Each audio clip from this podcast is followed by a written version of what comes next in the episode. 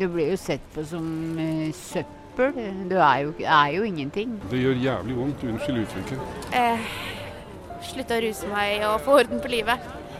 Få datteren min tilbake. Jeg ble seksuelt misbrukt. Langt ifra alle ble dømt. Det gjør for vondt. Det er den smerten, det, det er drivkraften i meg. Du er ikke verdt noe. Du er, du er ingenting. Du blir jo ikke sett. Dette er De usynlige, en podkast fra Radio Metro i samarbeid med Fritt Ord og Gateteam Oslo. Mange sier at hasj ikke er starten, eller noe sånt, men jeg begynte å sniffe hasj og alkohol. Og det var min start til, inn til hardere stoffer. Når du er ute og går og treffer på en som er rusa eller en som sitter og tigger, hva ser du? Var det en gutt eller en jente? Hadde hun lyst hår? Eller kanskje mørkt? Var hun sint? Lei seg? Sliten? I denne podkasten vil jeg gjerne at du skal bli kjent med menneskene bak denne koppen. De som er rusa i Oslo, og som du går i store ringer rundt fordi du syns det er litt skummelt. Disse er noens søster. Det er noens døtre. Det er noens mamma. Det er noens barnebarn. Det er disse du ser i Oslo. Disse du ser, men allikevel ikke ser. Det er de som er de usynlige. I dag skal jeg ut og møte Tonje. Det gleder jeg meg til, for hun har jeg kun truffet én gang, så vidt det er. Sammen med Inger Kristin. Eh, jeg vet ingenting om henne, annet enn at hun er tidligere rusavhengig.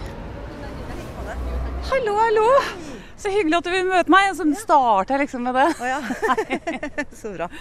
Har du venta lenge? Nei, jeg syns det var du som satt der borte, skjønner du. Ja. Og så ble du bare stoppa? Ja, av Kirkens Nødhjelp. Tonje er veldig glad i å gå tur, så derfor bestemte vi oss for å tusle litt rundt i finværet i Oslo mens vi ble litt kjent med hverandre. Hvis vi tar det sånn helt fra starten. Eh, hvordan, hvordan var det for deg å vokse opp? Eh, hvem var du som liten? Eh, Jeg har hatt en stefar som har vært der siden jeg var tre år. Eh, Og mamma. Eh, Hatt det ganske bra, egentlig, hjemme hos de. Jeg flytta mye pga. jobben til stefaren min. Så det har vært ja, mye rundt omkring i landet. Hva tror du det har gjort med deg, at du måtte bytte skoler? Det har vel gjort noe med meg. Eh, Det er ikke lett når du har barn og skal bytte barneskoler eh, tre ganger. Eh, bytta fra én, et sted i Sandefjord til en annen. Og da var det ei som visste hva som hadde skjedd med meg. Jeg ble seksuelt misbrukt. Så ja, det var folk som begynte å kalle meg hore. Ja, det var veldig tøft. Så ja. Hvor gammel, hvor gammel var du da du ble misbrukt? Da var jeg 10-11 år. Mm, Det var en stor sak i Sandefjord. Jeg var én av dem. Det var faktisk 14 menn til sammen. Langt ifra alle ble dømt. Det var én som fikk tre år, som hadde misbrukt gutter og jenter. 14 gutter og jenter under 14 år. Hvordan, hvordan tror du dette her har vært med på å forme deg, Tonje? Nei, det er vel det som fikk meg til å begynne å ruse meg. Jeg fikk posttraumatisk eh, stressyndrom. Så Nei, det har vel blitt at Ja, det har ført til at jeg begynte å ruse meg. Når rusa du deg første gang? Når jeg var 13, jeg begynte å sniffe. Eh, spise piller, drikke alkohol, røyke hasj. Og så var det over til sterkere stoffer. Da var jeg 16 år første gang jeg satte mitt første skudd med heroin. Husker du følelsen dop ga deg? Ja, det husker jeg. Nei, jeg syns det var deilig. Den første mm, Det var deilig den gang. Ja. Du kom unna tankene. Ja. Eh, fikk vel flykta i rusen. Vekk fra vonde ting. Det er på mange måter forståelig at man velger å ruse seg for å komme unna det som gjør vondt. Det Tonje og de andre barna i Sandefjord opplevde for mange år siden, er dessverre ikke unikt. Ifølge en undersøkelse som heter Ungdoms erfaringer med vold og overgrep i oppveksten, så opplever hele 6% av alle norske barn seksuelle overgrep fra en voksen i løpet av barndommen. Det er ikke noe hemmelighet at dop eh, koster mye penger. Hvordan har du klart å finansiere det opp igjennom? Ja, jeg har eh, gått på strøket, og jeg har også pusha. eh, solgt. Så det har vært hardt, tøft for å skaffe penger. Det har liksom vært en evig rundgang. Når du er på kjøret, så er det en evig rundgang. Det er å få tak i penger, sette seg det skuddet, bli rusa, og så er det samme rundgang igjen. Det er livet ditt, på en måte? Mhm. Det er Ja. Det var det det handla om. Men hvor gammel var du første gang eh, du gikk på strøket? Da var jeg 17, faktisk. Husker du hvordan det var? Ja, faktisk. Eh, det jeg husker mest av, det var at det stoppa veldig mange biler. Fordi jeg var veldig ung. Og det var populært blant de gamle ja, grisene, skal jeg si. Eller gamle mennene. Så da var det veldig mange biler som stoppa på rad og rekke. Var du redd?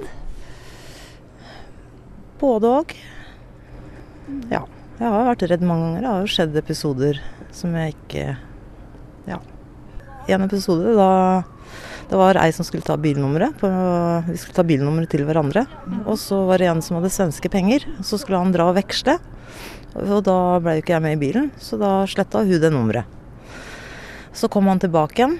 Da var det ute på Bygdøy. Eh, skulle gå ut, vi hadde sittet bak i baksetet, og så gikk han foran eh, før meg. Og så skulle jeg til å gå foran, og da kjørte han. Men da hadde han vinduet sånn oppe at jeg kunne holde meg fast, og da var det grusvei der. Hang et stykke etter bilen. Og da tok han ja, alt som var. Han tok det lille du hadde. Ja, Det gjorde han. For et simpelt, simpelt menneske. Ja, det er det mange av. Som er, ja, flere som har gjort sånt. Skal vi rusle litt videre? Altså, her hvor vi går nå, da. Eh, det var jo et helt annet område, dette her. Det var det. Eh, helt borte der, eh, ja, etter Sørenga. Ja. Også der var jeg veldig mye med kundene. Og her vi går nå, så var det også veldig mange som satte seg skudd. For her var det ikke noe politi og ja, stort sett ikke. Har du, har du mista mange på veien som du, har, eh, som du har kjent, som du har hengt med? Ja, det har jeg. Jeg har ikke tall på hvor mange jeg har mista. Senest i dag så så jeg på Facebook en som hadde gått bort. Jeg har mista veldig, veldig mange. Eh, Jeg har ikke telling, rett og slett. Nei. Slutter det å gjøre vondt på noe tidspunkt? Jeg vil ikke si at jeg blir kynisk. Men eh, jeg vet, altså bare sånn i denne perioden her òg, med korona, så har jeg også tenkt at det er veldig mange som kommer til mine gamle bekjente. At det er veldig mange som kommer til å ja, bli borte. Og det har jo skjedd også. Det er flere som har gått bort. Du nevner korona. Eh, Hvordan har det påvirka deg? Ja, jeg slutta faktisk å røyke hasj. ja. Eh, I denne perioden her. Ja, gjorde jeg. Det er vel det siste som ja, har vært igjen. Og det har du klart nå som alt har vært enda vanskeligere enn det det pleier å være? Det har jeg. Ja. Jeg sier igjen, du er utrolig sterk, da. Takk. Og så har jeg også trappa ned på Subotex i denne perioden her. Men hvordan har du fått til det? Jeg har jobber litt kaffe, så jeg vil si at denne jobben gir meg veldig mye. Hva er det med den jobben som, som gjør deg så glad? Nei, altså jeg får veldig mye igjen av å jobbe der. Det er kundene, det er de jeg jobber sammen med. Og det er veldig ålreit å holde på med kaffe. Jeg, ja, jeg trives kjempegodt. Det gjør jeg. Nei, det gir meg veldig mye. Oi, nå holder jeg på å gå oss inn i en sånn uh, sykkelparkering. Ja. Her har jeg aldri gått før, faktisk. Det kan gå her. På et eller annet tidspunkt, Tonje, så, så bestemte du deg for å slutte. Hva skjedde? Eh, Jeg fikk metadon. eh, Og det hadde jeg ikke fått metadon. Det var vel det som redda meg ut av alt sammen. Eh, Jeg begynte vel å få det i 2006, tror jeg. og gikk slutta i 2011 i Tunisia. Ja. Jeg klarte å gifte meg med en fra Tunisia. Og Fort gjort. fort gjort, en port. Nei, og så skulle jeg ned dit, og hadde ikke med meg nok metadon, faktisk. Og da var det å begynne å trappe ned. Men så på slutten så havna jeg i psykose, så da skjønte jeg ikke det at jeg skulle ta trappene enda mer. Ja, sånn litt og litt, men eh, Så da stoppa jeg faktisk på 30 milligram. Og ja, der nede. Hva var drivkraften i deg den gangen? Altså Det som skjedde, var at det faktisk, ja, mamma døde. Eh, og da dro jeg ned, og da var da jeg slutta. Faktisk, ja. Så man skulle jo tro at det var motsatt. At når du, når du kommer i sorg, at du heller går andre vei og ruser deg mer. Ja. Nei, men faktisk jeg vil, Nei, det Nei, jeg skulle ønske at jeg For jeg husker mamma sa en gang at det kan ikke slutte med den metadonen. Og jeg skulle ønske mamma kunne vært her den dag i dag og sett hvor langt jeg har kommet. Eh, at jeg klarte også å slutte med metadonen. Fordi jeg hadde heller ikke trodd sjøl at jeg skulle klare. Nei. Sånn, familien din, har, de, har du holdt kontakten med dem hele veien? Ja, jeg har hatt kontakt med mamma hele veien. Utenom Ja, hun ble borte i 2010-2011. Husker jeg ikke helt. Så jeg har hatt, vært heldig og hatt kontakt med familien min og sønnen min, som jeg ja, mista til barnevernet. Ja, for du, du fikk en sønn for eh, 25 år siden. Hvor var du da i livet ditt? Da var jeg vel på mitt verste, eh, blant annet. Nei, jeg var rusa eh, når jeg fikk vite dette her. Jeg var tre måneder på vei. Og da hadde jeg brukt mye amfetamin, faktisk, eh, de tre månedene. Og så ble det heroin. Og så er det sånn, ja. Gikk jeg over til heroin, men så slutta jeg med det. Og så ble det til Mgesic, for det sa legen var greit. At det ikke ville skade fosteret så mye. Ja, veldig rart, men ja. Å bli mamma løste ikke problemene til Tonje. Barnevernet tok seg av barnet hennes frem til han kom i fosterhjem hos foreldrene til barnefaren. Hvordan var det for deg? Nei, jeg blei jo glad at han kunne komme ned til Sandefjord. Det blei jeg. At jeg kunne komme nærmere han. Eh, Men jeg tenkte vel ikke at jeg kom til å få han igjen. Ikke fordi jeg havna jo rett på kjøret igjen når han kom opp i avlastningshjemmet der. Har du hatt kontakt med han hele veien? Det har jeg hatt. Ja, det er han jeg har mest kontakt med den dag i dag. Det er han som hjelper meg med ja, alt mulig. Ting som sønner hjelper mammaer med? Ja, og pluss litt mer, kanskje. Ja. Han er veldig ja, han er veldig ålreit gutt. Hvordan har det gått med Daniel? Han har det gått veldig bra med. Han, eh, nå så studerer han og jobber. Mm, skal kjøpe seg leilighet neste år. Ja. Så han går det veldig bra med. Han har det gått bra med hele tida. Mhm. Det må jo være veldig godt for mammahjertet, tenker jeg. Det er det, absolutt. For jeg har jo vært veldig redd for at han kommer til å begynne å bruke et eller annet pga. meg og faren har brukt. Pluss mye, ja, mye avhengighet eh, med tanta og onkelen hans og ja. Også mye alkohol med bestemora hans. Så jeg er veldig glad for at han har klart seg. Ja, det er jeg. Han har arva styrken til moren sin, da, tenker jeg. Ja, det har han, håper jeg. Ja. Jeg regner med det. Vi rusler litt videre, vi. Det er en fantastisk fin dag å være ute og gå dette her, da. Ja, deilig. Vindstille og sol. Knallvær. Men nå lurer jeg jo på, Tonje, hvordan det er for deg å komme inn til eh, Oslo, hvor tilgangen er ganske så god eh, på dop, da. Hvordan er det for deg å komme inn her og skulle bare være deg, være rusfri? Jeg har tenkt på det mange ganger at jeg egentlig Fordi det er veldig mange som har spurt om akkurat det samme. Som jeg tenker Jeg har hatt de hardeste åra mine hadde jeg her i Oslo. Jeg kunne vel ligge død akkurat her vi står. eh, For da var det ikke operaen eh, som vi står på nå. Da var det akkurat her så var det veldig mange som satte skudd bortover hele rekka. Og jeg tenkte senest i går at jeg kunne vel kanskje ligge død rundt omkring et eller annet sted her i byen. Og jeg har også trodd at jeg, jeg trodde også en stund at jeg ikke skulle bli eldre enn 30. Og, men jeg syns det er Jeg tenker på at jeg har hatt de harde åra her inne i Oslo med mye hard rus. Og blitt nykter også her i Oslo. Eh, jeg tror nok det er veldig bra for meg. Eh, ja. Du har på en måte vunnet over det, eller du er sterkere enn det da, på mange måter? ja, det er jeg. Jeg ja. Nei, jeg Mange ganger så må jeg gå forbi der det er mye salg, men uh, da går jeg med headset, faktisk. Ja. Veldig høy musikk og ser bare munnen på folk, og blir kanskje litt gretten når jeg ser dop på munnen deres. uh, nei, jeg syns det er Jeg syns ikke det er noe vanskelig, egentlig. Nei. Så bra. Mm. Unge jenter nå som tenker åh, det er ikke farlig bare å prøve litt. Hva vil du si til de? Jeg vil si at det er farlig å prøve litt. Ja. Ja. Altså, den sier jo det etter tre dager så blir du hekta på heroin. I hvert fall. Og ja, jeg, mange sier at hasj ikke er starten eller noe sånt, men jeg begynte å sniffe hasj og alkohol. Og det var jo min start til, inn til hardere stoffer. Nei, jeg vil ikke råde noen til å prøve en gang. Det er ikke noe å jakte etter, eller noe å prøve. Det vil bare ødelegge, ødelegge liv, rett og slett.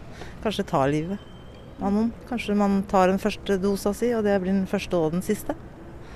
Hvis du kunne valgt igjen, Tonje. Nei, da hadde jeg aldri begynt. Nei.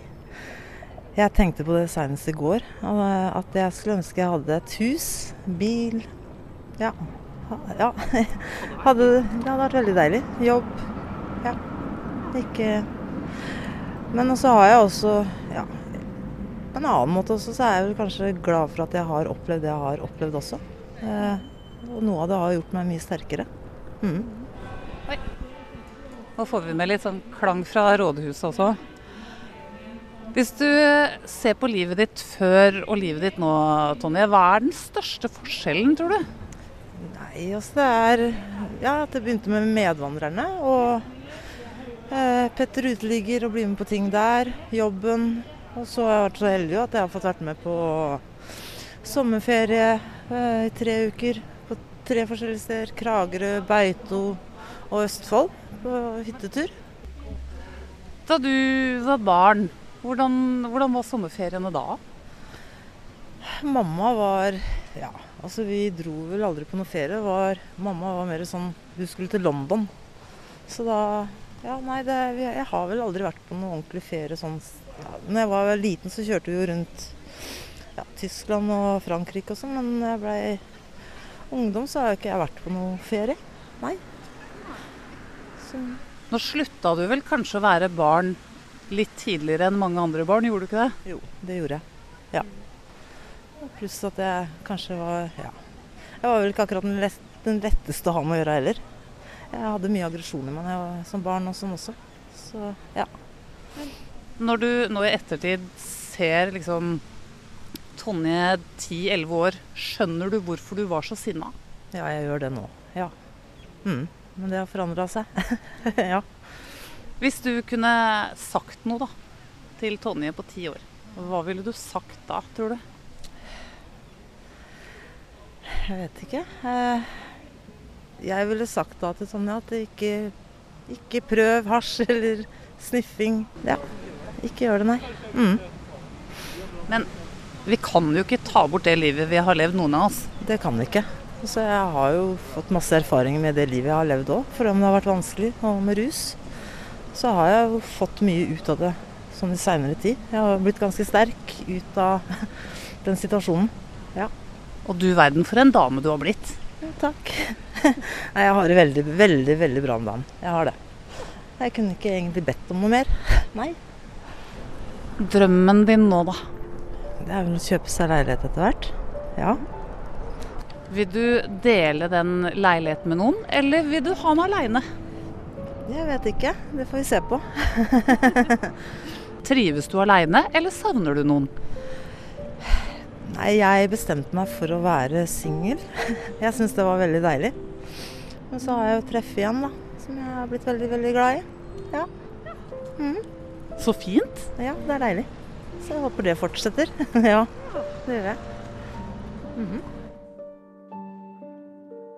Han er heldig, han som kan kalle seg for kjæresten til eh, Tonje. Denne slående vakre jenta med de store brune øynene som gnistrer når hun smiler. Og det gjør hun hver eneste gang hun prater om jobben sin på Er lik kaffe. Jeg måtte gå innom henne og bestille meg en kopp kaffe før jeg kunne avslutte denne episoden. Hei, Tonje. Hallo. Her kommer jeg, da. Så hyggelig å se deg. Går det bra? Ja. Så fint. Kan jeg få lov å kjøpe en kaffe av henne med mikrofon? Selvfølgelig. Så bra. Selvfølgelig. Så hyggelig å se deg på jobb. I like måte.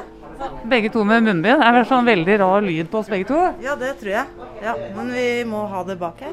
Og i lokalet. Hvordan er nye regler for dere på lik kaffe nå? Eh, Vi må ha på oss munnbind eh, bak her hvis vi jobber to, og ute i, ute i kafeen. Ja. Kan jeg bestille en vanlig kaffe av deg? En svart kaffe? ja, det kan du. Yes. Jeg skal ta den med. Skal vi se. La coipa i dag. La Coipa. Fra Peru. Men du, altså, det var så godt å se deg igjen. Nå må jeg betale for kaffen. Skal vi se Men du, tusen hjertelig takk. Og så ses vi snart igjen, da. Det gjør vi. Mm. Yes. Jeg har trua på at det kommer til å gå veldig bra med Tonje, som fortsatt kjemper hver eneste dag for å bli rusfri. Det, det har vært en lang kamp. Jeg kjemper hver dag. ja, jeg gjør det. Eh, Jeg skal klare det. Ja, det skal jeg.